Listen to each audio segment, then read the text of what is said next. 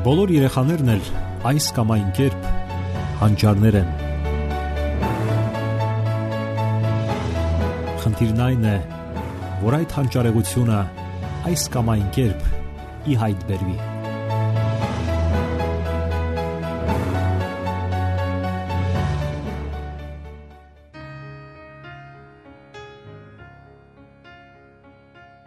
Բարև ձեզ սիրելի ռադիո լսողներ։ Եթերում դասերակցություն հաղորդաշարն է։ Գոյություն ունեն ամենատարբեր տեսակետներ, կապված երեխաների ֆիզիկական պատժամիջոցների հետ։ Շատերն այն կարծիքին են, որ կարելի է եւ նույնիսկ անհրաժեշտ է մարմնական պատիժներ սահմանել երեխայի համար։ Որոշներն էլ մեջբերում են Աստվածաշնչի հանրահայտ հատվածը, որտեղ ասվում է, որ գավազանը երկնքից է իջել եւ այն երեխայի համար է։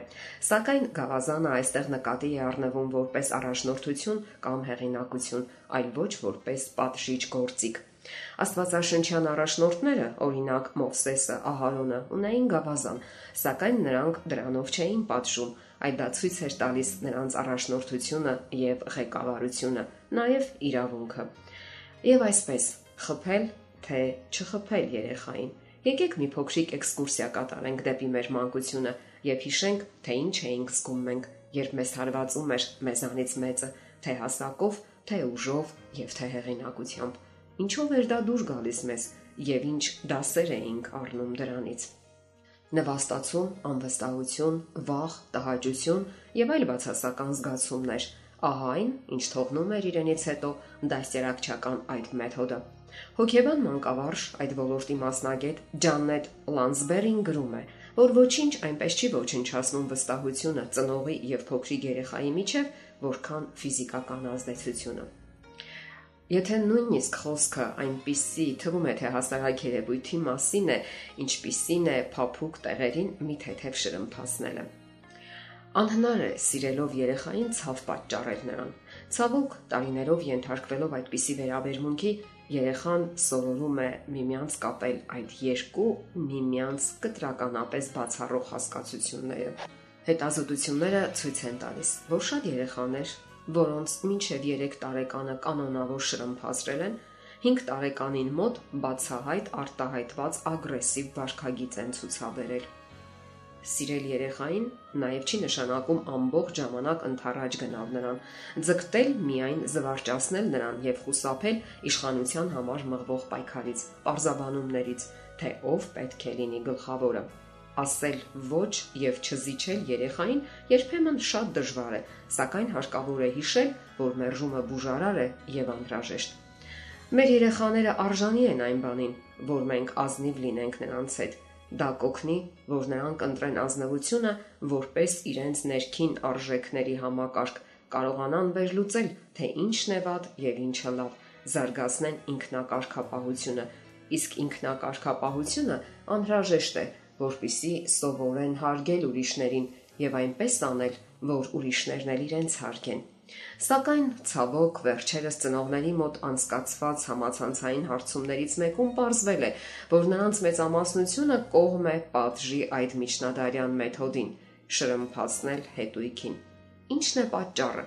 Մասնագետները այն կարծիքին են, որ պատճառն այն է, որ ծնողները չեն հասկանում, որ դրանով իրենք բռնություն են գործադրում կամ այդ գործոնը նրանց համար լուրջ փաստարկ չէ։ Դեռ ավելին, նրանք լիովին քաջալերում են այդպիսի մեթոդները, դա համարելով անհրաժեշտ եւ նույնիսկ օգտակար։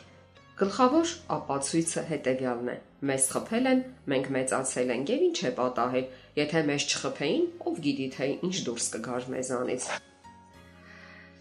Սակայն այստեղ կարող է տրամաբանական հարցադրում առաջանալ։ Մենք չգիտենք, թե ինչ դուրս կգար, եթե չխփեին։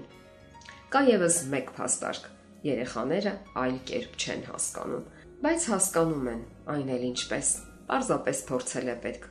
Հետաքրքիր է, որ օրինակ եվրոպական շատ երկրներում օրենսդրական կարգով արգելվում է խփել երեխաներին։ Սրան հակառակ, որպես պաշտպանական հակազդեցություն, մեզ մոտ ասում են.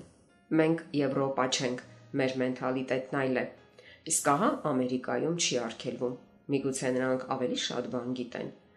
Ասենք, որ այդ նույն Ամերիկայում հոգեբանները փորձեր են անցկացրել ողրզելու համար մարմնական պատիժների վնասները։ Եվ ինչ։ Հետազոտությունների արդյունքների հիման վրա մանկական զարգացման խորհուրդը կտրականապես դեմ դուրս եկավ ֆիզիկական պատիժներին, Պարզվեց, որ շրմփացնելը վարքագծային ավելի շատ խախտումներ է ծնում կամ պատժի մյուս եղանակները։ Դրանից բացի այն ագրեսիվ է դարձնում երեխաներին, ճնշված եւ դեպրեսիվ, ինչպես նաեւ դանդաղեցնում է մտավոր զարգացումը։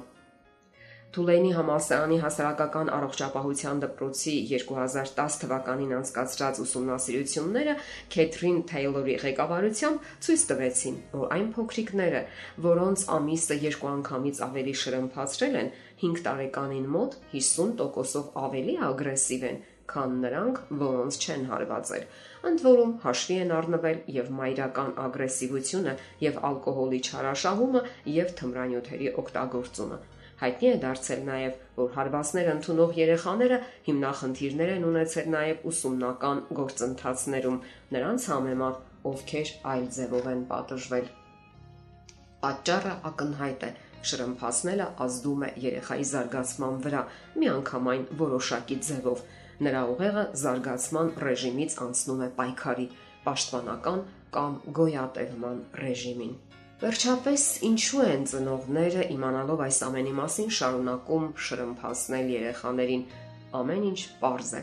Դասյարակության մնացած ցանկացած մեթոդները ջանքեր են պահանջում, իսկ հետույքին հարվածելու համար ոչ մի ջանք չի պահանջվում։ Դա ակնթարթային արձագանքման գործողություն է։ Այդպես ակնթարթորեն ազատվում է սեփական անզորությունից եւ փորձում ցույց տալ քեզ, որ ինչ որ բան է տեղի ունենում ինչ որ մեկը ինչ որ մեկին դաստիարակում է, սակայն հասկանալի է, որ այդ ամենը խաղ է եւ ոչինչ չի փոխում։ Դե ինչ։ Դուք ինքներդ մտածեք, երեխային խփելը անհրաժեշտություն է, թե ոչ։ Սիրելի ռադիոլսողներ, եթերում դաստիարակություն հաղորդաշարներ։ Ձեզ հետ է Գեղեցիկ Մարտիրոսյանը։ Ձեզ ուզող հարցերի համար կարող եք զանգահարել 093 00 6327 կամ 094 93 55 77 հեռախոսահամարներով